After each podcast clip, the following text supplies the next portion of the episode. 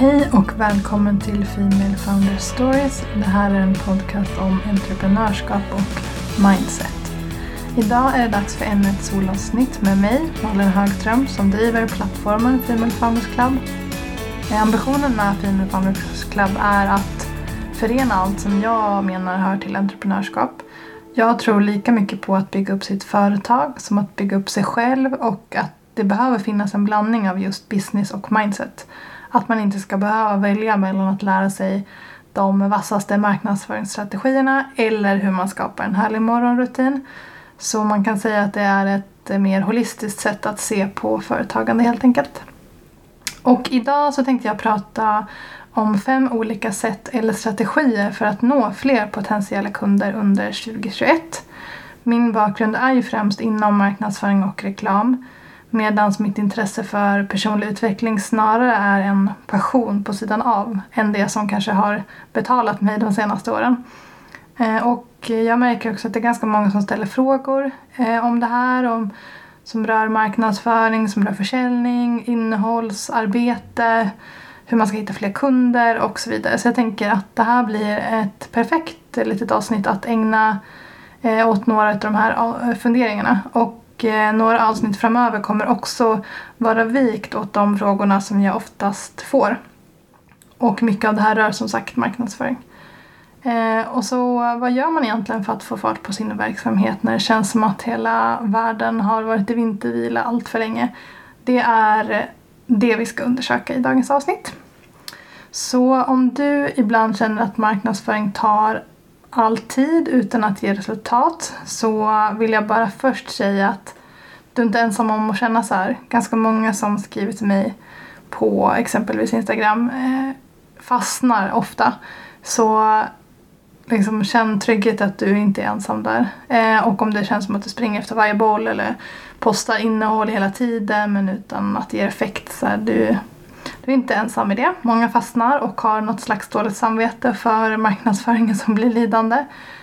Eh, precis som med mycket annat eh, som man vet att man borde hålla på med eller ha bättre koll på eller ha en bättre plan för så, så kan den här känslan också nästan stoppa en från att ta tag i det för att det blir övermäktigt till slut. Eller så kanske det är så här, och det här är faktiskt verkligen en känsla som jag kan skriva under på, att jag gör det här sen. Jag skjuter upp det lite till. Jag, jag gör det imorgon. Eh, du tänker kanske att du borde göra det ena och det andra men att det inte blir av. Eller du vet att du borde posta något nytt på kanske Instagram men, men vad ska du posta för någonting? Du sa ju samma sak igår. Och vad vill din målgrupp egentligen ens veta mer om? Hur ska man få dem att eh, vilja hänga med en och hur förvandlar man följare till kunder? För ingen blir lönsam på av att ha ett stort, en stor följarskara på Instagram om det inte konverterar. Och eh, är det automatiskt så att den med flest följare i branschen nödvändigtvis är den som har högst vinstmar vinstmarginal? Eh, det kanske faktiskt inte alls är så. Så det är liksom en generell bakgrund till ämnet. Eh, och när man pratar om att bygga ett varumärke generellt och framförallt kanske att bygga sitt varumärke online så behöver man, man också förstå att det är ett maraton. Förutsatt att du har en liten peng att lägga på faktiska annonser så behöver du istället helt förlita dig på andra strategier för att få ditt bolag att växa och för att nå ut. Och du behöver ja, men, hitta ett sätt att faktiskt bygga riktiga relationer eh, till ditt eller ja, men till ditt företags varumärke. Lite beroende på hur du profilerar dig.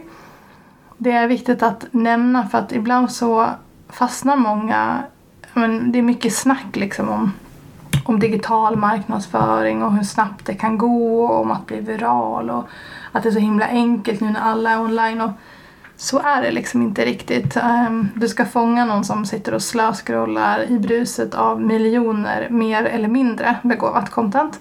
Och eh, att gå viral tror jag liksom, det känns som att det var inne 2005. Om du inte är Kim Kardashian för då kan du absolut liksom få stopp, break the internet eller så. Men det kommer liksom inte, man får sätta det i perspektiv, det kommer inte hända liksom.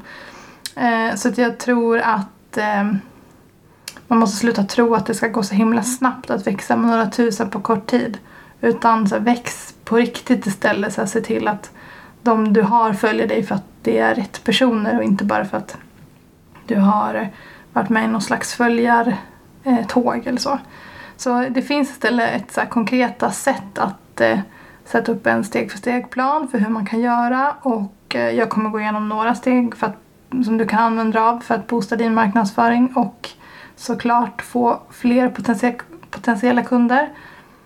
Och ja, men vi dyker väl in i de här fem strategierna direkt kanske och eh, tänk på att så här, försök implementera någon av dem direkt så att du kommer igång och inte bara konsumerar innehåll utan att du faktiskt gör någonting också efter det här avsnittet.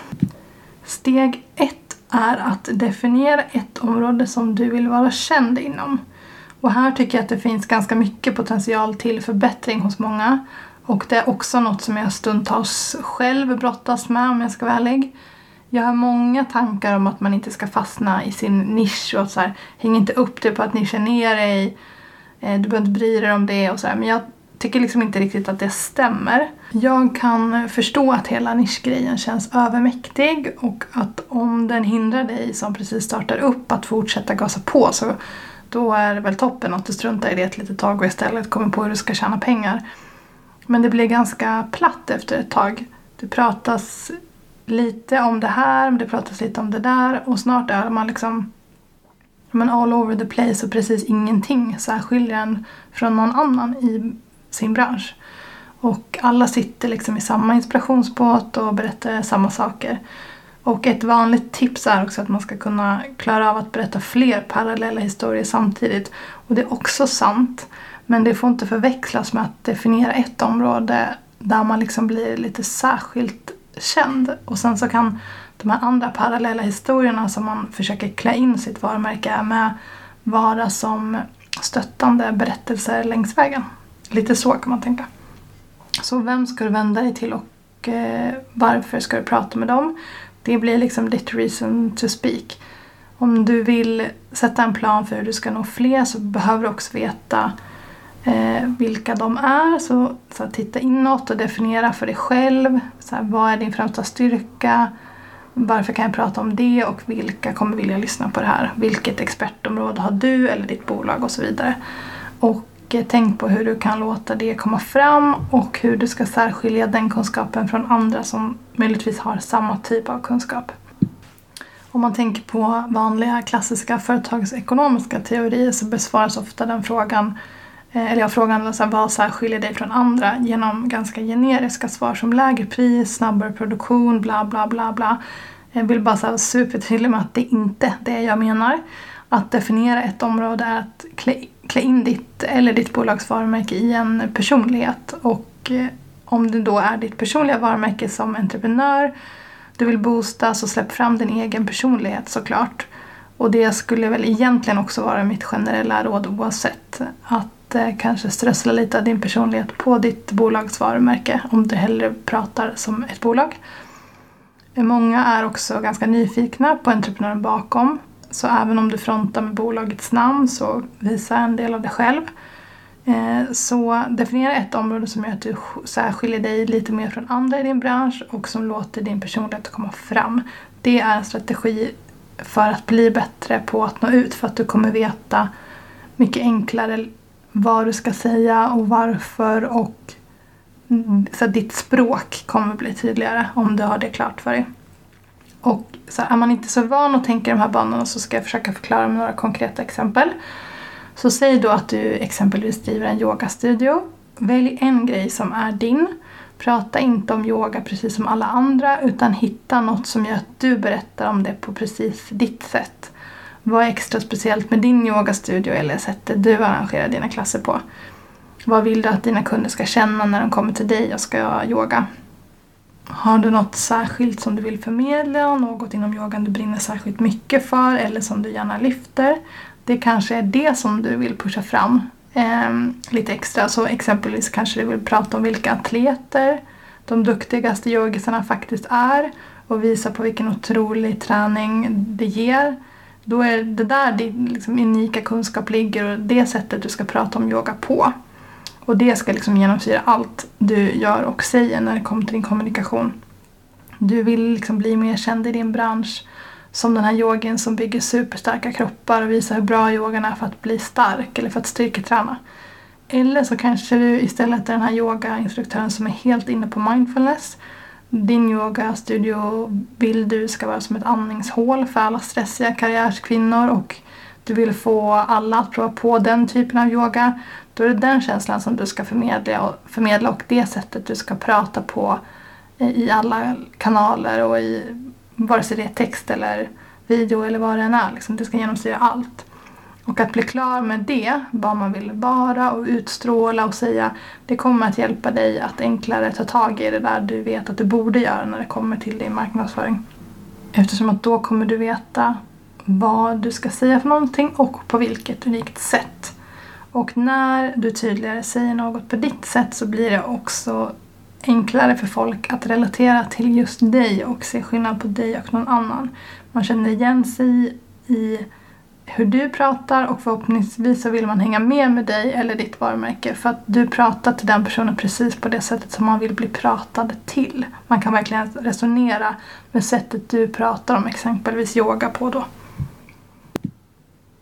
Steg nummer två för att hitta nya potentiella kunder under 2021 det är att bygga en community kring det man gör och med community så menar jag inte nödvändigtvis ett medlemsnätverk som Female Founders Club utan mer en känsla runt varumärket. Man bygger ett eh, crew kanske man skulle kunna säga.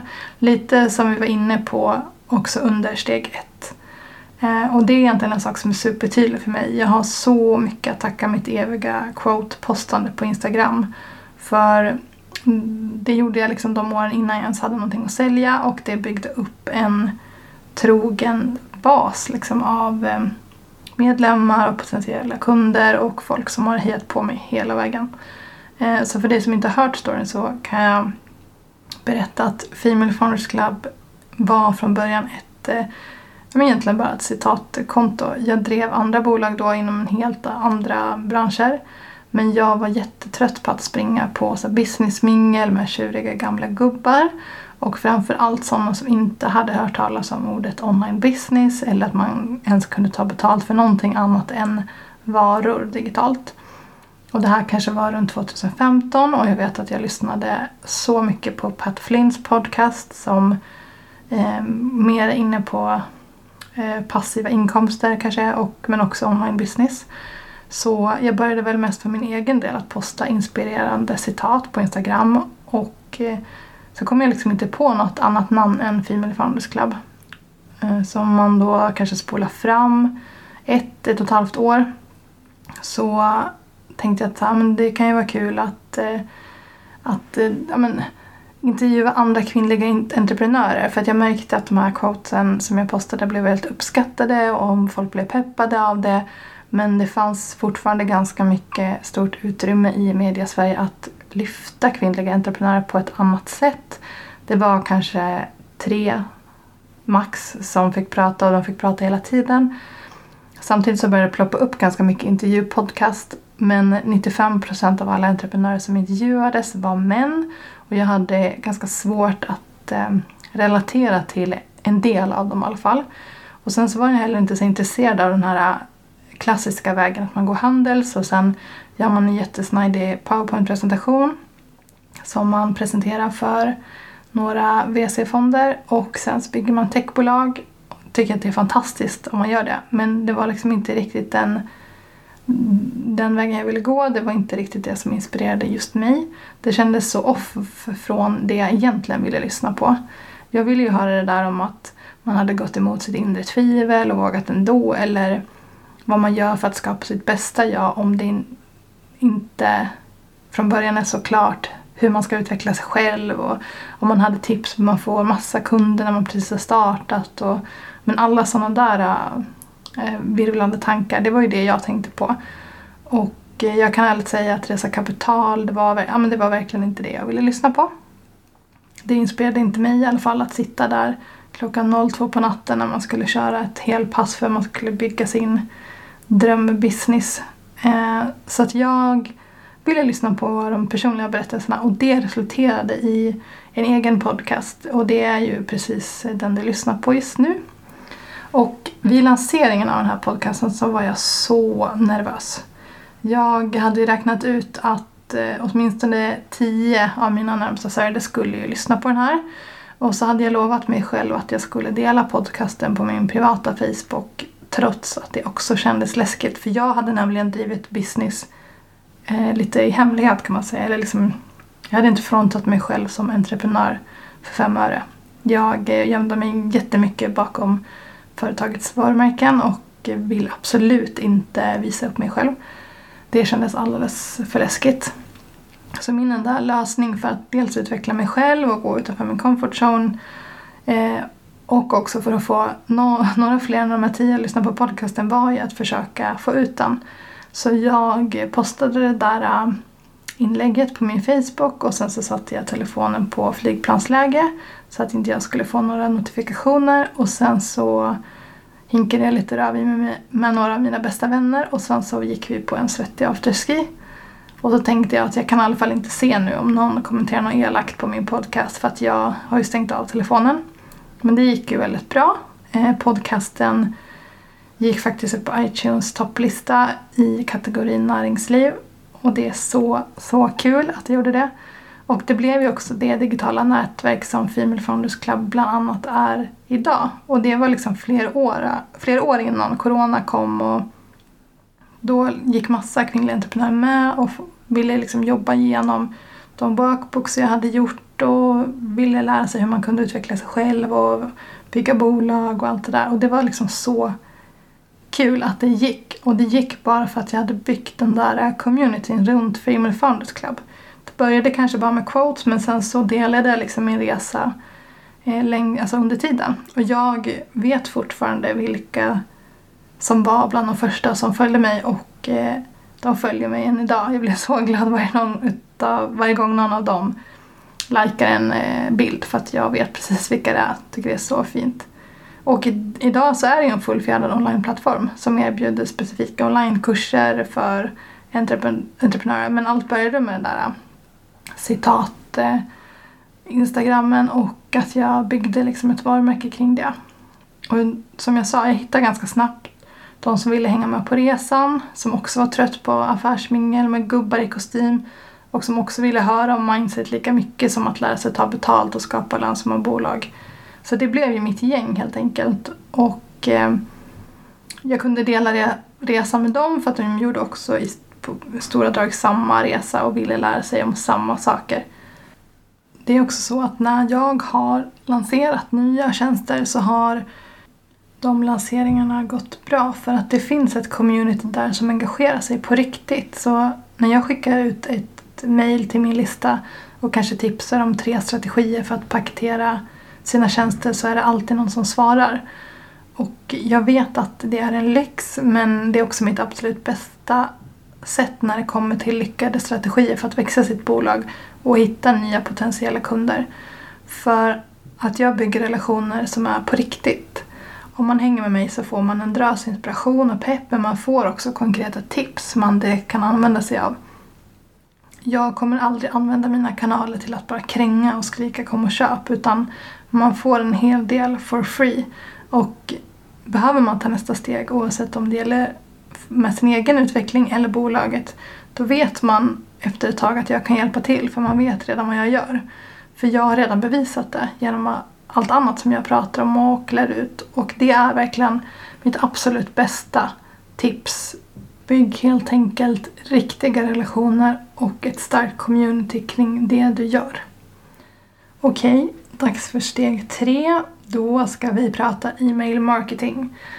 Och eh, hallå, är det ens en grej utanför USA? Eller slutade vi inte med det i Sverige ja, men så här, ungefär samtidigt som mejlen med Comic Sans i gul text med blinkande röda stjärnor runt om slutade skickas ut till random adresser? Ja, eh, det kan man tro. Men faktum är så här, wow, det har fått en sån revival faktiskt. Eh, och det får det om man gör det på rätt sätt. Så tänk bort de där gamla spam-mailen och eh, lär dig e-mail marketing 2021 istället. För det är en helt annan grej. Och jag får ganska många frågor om att bygga en mejllista och varför man ska göra det och hur man gör och sådär. Så jag kommer gå in på det mest grundläggande här för att ge en förståelse för varför du ska göra det. Men det kommer också komma ett specialavsnitt bara om det eh, för dig som vill fördjupa dig mer i detta. Och det tycker jag verkligen att du ska göra i år. Eh, men så här. Den absolut främsta anledningen till att du ska bygga en mejllista samtidigt som du försöker nå fler potentiella kunder i andra kanaler, det är för att du kommer äga de här kontakterna. Det är alldeles, alldeles för sårbart att bara förlita sig på exempelvis Instagram. För när som helst så kan faktiskt de ändra sina algoritmer eller de kan låsa ditt konto eller så kan alla följare hitta en mycket roligare plattform och börja hänga där istället. Och då får du liksom börja om i en helt ny digital värld. Så det är väl alltså framförallt affärskritiskt eh, och därför så ska du ha en lista. Det finns en hel del liknelser och som jag tycker är bra men min favorit som jag ändå tycker säger allt är att du skulle inte bygga ett hus på, på en mark som du inte äger. Och lite så är det också med mejllistan. Eh, bara jämför med så Facebook. Det var ju det enda stället man postade på för typ tio år sedan. Det är ju ingen som gör det nu. Eller, eller det kanske det är men, men inte, inte min målgrupp och inte heller eh, om man ser till mitt ålderssegment speciellt mycket heller. Så den andra fördelen med en mejllista som också kan vara värd att tänka på det är att det blir liksom ett ytterligare sätt för dig att bygga den här no-like and trust factor. Alltså att man ska veta vem du är, man ska gilla det du gör och man ska också lita på att du kan rätt grejer. Och eh, men det blir alltså en extra kanal att skapa de här riktiga relationerna som jag tidigare pratade om. Och visa vem du är och eh, ja, men vad du kan. Och bara kanalen i sig är faktiskt mer genuin. Och den känns närmare än vad sociala medier gör. Man måste liksom aktivt gå in och öppna eh, mejlet för att ta del av det. Man kan liksom inte bara snös, slöskrolla förbi eh, ett, eh, ja, men som man kan göra på ett inlägg och sådär. Så det ger i alla fall en känsla av att man har en dialog mellan två parter snarare än att berätta något för allt och alla och så får man se vilka som ser. Typ. Det gör ju också att man knyter sin huvudmålgrupp närmare eh, för att du kan kommunicera eh, i tonen på ett annat sätt. Du kan också djupdyka i de vanligaste frågorna du får. Du kan informera om något som du vet att om precis den här gruppen är särskilt intresserad av det här. Och så kan du ge dem bonusar som man bara får ta del av om man är på mejllistan och det brukar också vara otroligt uppskattat. Så om man tänker att då, du via de andra digitala kanalerna inspirerar och visar upp din personlighet så är det på mejllistan du istället eh, bygger bättre relationer och eh, utbildar din publik. Eh, så att de också förstår fördelarna av att jobba med just dig. Eh, en, ja, en annan viktig aspekt är också att en mejllista är absolut inte till för att spamma. Det är för övrigt ingen kanal, kanske vi ska nämna. Men jag vill särskilt lyfta det för att det har ändå varit en så favoritkanal för alla ja, men okända mostrar som har dött och efterlämnat sig miljoner dollar i arv. Jag tror att vi alla har fått eh, sådana mejl genom åren. Och det har väl också bidragit till att e-mail marketing har fått ett ganska dåligt rykte, ett oförtjänt dåligt rykte för att när man gör det rätt så är det otroligt effektivt och ett av de bästa verktygen man faktiskt kan ha. För, ja, men precis som jag sa, utbilda sin publik men också visa sina kunskaper, lära känna målgruppen ännu bättre så att man kan paketera tjänster som passar bättre och forma erbjudanden efter vad de efterfrågar. Så flera av de mejlen som jag får från företag eller entreprenörer som där jag liksom aktivt har gått med, på det, gått med i deras mejllista för att jag tycker att de gör bra saker. De, de blir liksom en höjdpunkt för mig att öppna för att jag vet att det är alltid, alltid mervärde i de mejlen. Jag vet att det kommer ge mig någonting. Oavsett om det är tips eller inspiration eller vad det nu kan vara så kommer det vara just eh, ja, men superbra strategier som jag kan använda direkt eh, och det kommer också handla om de ämnena som jag intresserar mig av. Så det kommer inte vara något så tråkigt generiskt mejl utan det är verkligen som ett privat litet blogginlägg. Eller så leder det kanske vidare till någonting där jag kan läsa ännu mer om någonting. Man kan nästan se e-mail marketing som att man kurerar innehåll till sina följare istället för att de ska behöva leta på det själva. Jag behöver inte slöskrolla mig fram till någonting på Instagram utan du har liksom paketerat ihop de tipsen som jag behöver här och nu för att gå vidare eller ta ett nästa steg. Och det är ju faktiskt en superhärlig känsla att ge sina potentiella kunder. Strategi nummer fyra, det är kort men effektivt. Och det är att testa nya format för att nå ut.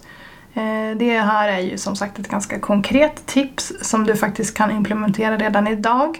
Men jag vill ändå nämna det för att hela tiden så kommer liksom nya format och det man ska komma ihåg med de här formaten det är att eh, de kanalerna som implementerar dem kommer pusha dem mycket hårdare än andra. Så exempelvis eh, det senaste formatet i min främsta kanal på sociala medier, vilket då är Instagram, är ju Reels. Och även om det kanske inte är supernytt just nu så ser jag fortfarande vilken effekt det har. Så oavsett vad, vart du håller till så finns det säkert någonting som du kan testa eller ett nytt feature som du kan prova på.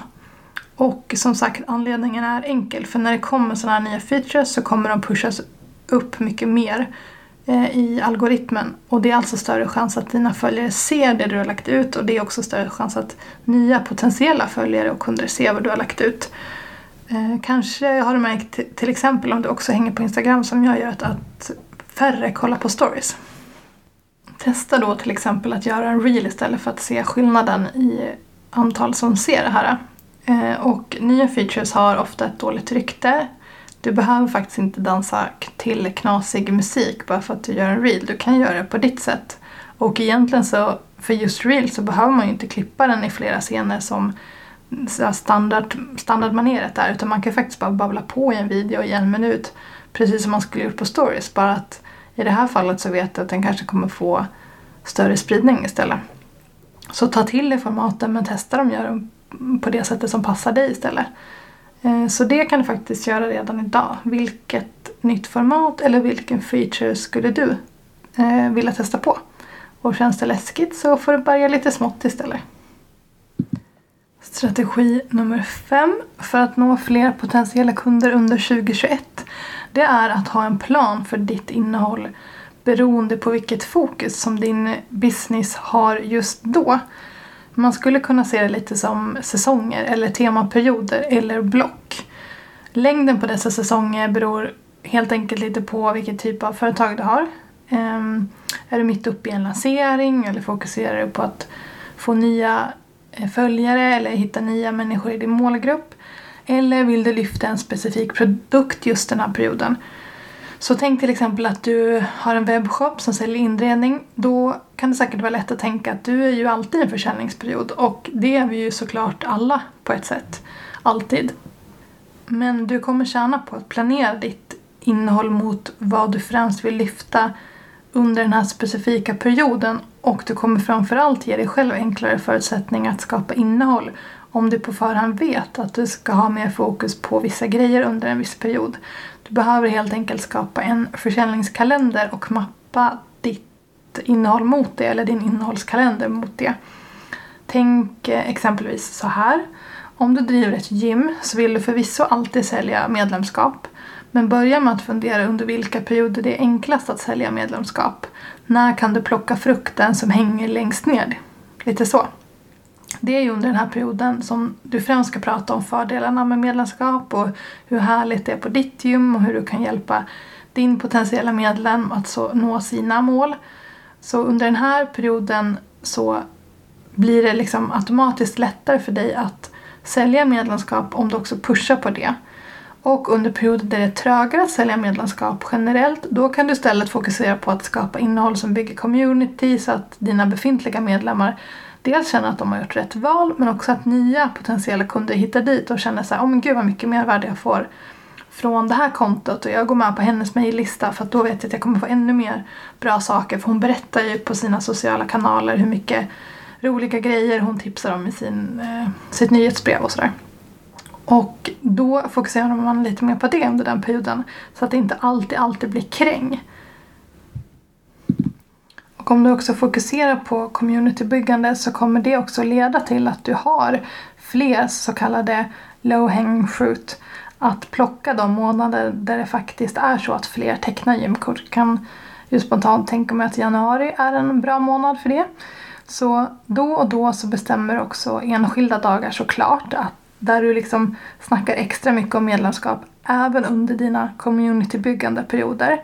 Så att du kryddar upp dina mellanperioder med så här, lite mer försäljning. För då och då vet man ju inte vilken som kanske är redo att teckna medlemskap mitt under en sån communitybyggarperiod. Eh, så nästa steg efter det skulle kunna vara att du kopplar på fler extra tjänster eftersom du har lärt känna din målgrupp. Vad kan din målgrupp behöva mer? Eh, när det gäller eh, det du säljer så kan man paketera på ett annat sätt.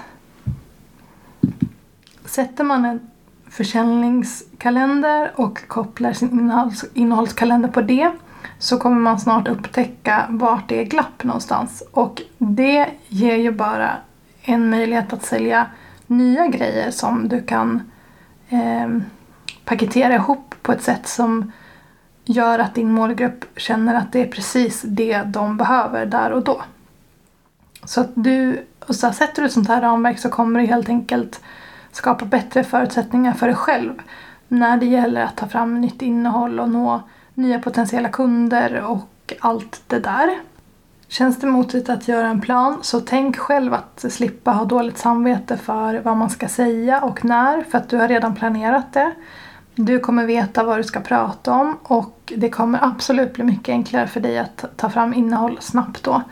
Och dessutom så kommer du ge bra och riktigt värde till din målgrupp så det kommer bara bygga bättre relationer också. Det blir liksom som, en, som att cirkeln sluts när man planerar för det här.